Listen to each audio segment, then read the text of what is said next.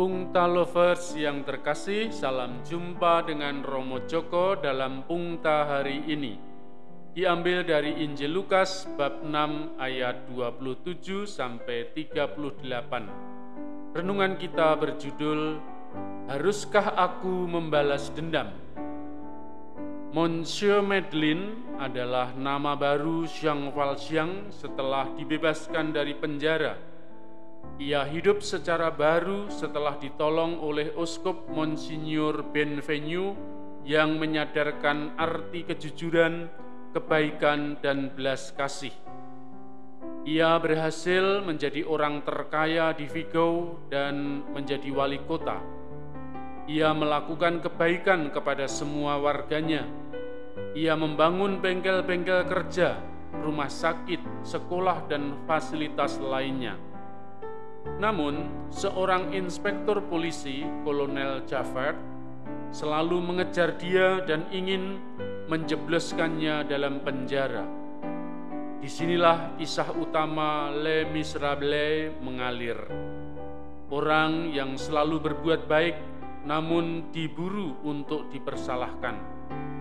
Di Vigo, ia menolong Fantin, seorang pelacur yang punya anak di luar nikah di Paris, ia memberi makanan dan pakaian kepada orang-orang miskin, gelandangan, dan anak yatim piatu. Dalam situasi revolusi yang kacau, Valjean sebenarnya punya kesempatan untuk membalas dendam. Ia bisa membunuh Javert. Pada suatu saat mereka saling berhadapan satu dengan yang lainnya engkau telah mati sekarang. Dur!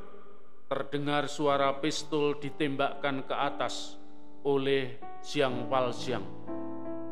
Valjean membebaskan dan mengampuni orang yang memusuhinya itu. Ia melepaskan Javert dari amuk dan amarah para pejuang revolusi. Kisah ini mirip cerita Saul dan Daud. Saul pernah marah dan ingin menangkap dan membunuh Daud. Daud menjadi buron. Tetapi Daud punya kesempatan emas membunuh Saul dengan pedang. Nyawa Saul ada di ujung pedangnya. Tetapi Daud melepaskan Saul. Ia mengampuni orang yang memusuhi dan ingin membunuhnya. Pungta lovers yang terkasih, Kebaikan hati dan keluhuran budi seperti Daud itu diajarkan Yesus kepada murid-muridnya. Yesus berkata, Kasihilah musuhmu, berbuatlah baik kepada orang yang membenci kalian, mintalah berkat bagi mereka yang mengutuk kalian, berdoalah bagi mereka yang mencaci kalian. Bila orang menampar pipimu yang satu, berikanlah pipimu yang lain.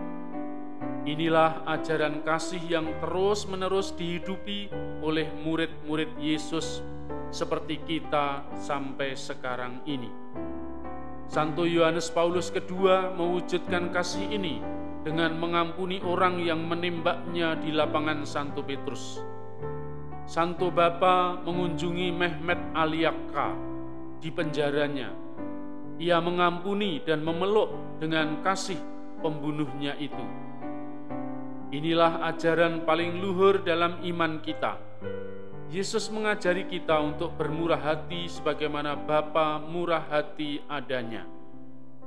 Kita diajak untuk mencintai dan mendoakan musuh-musuh kita, mereka yang membenci kita. Kalau kita punya niat yang tulus, pasti bisa mewujudkannya. Maukah kita mengampuni dan mengasihi mereka yang membenci kita? Bunga indah tumbuh di rerumputan, tak pernah layu walau kepanasan. Kasih mewujud dalam pengampunan, tidak membalas kejahatan dengan kejahatan. Sekian, sampai jumpa, salam sehat, dan terus selalu bersyukur kepada Tuhan. Berkah dalam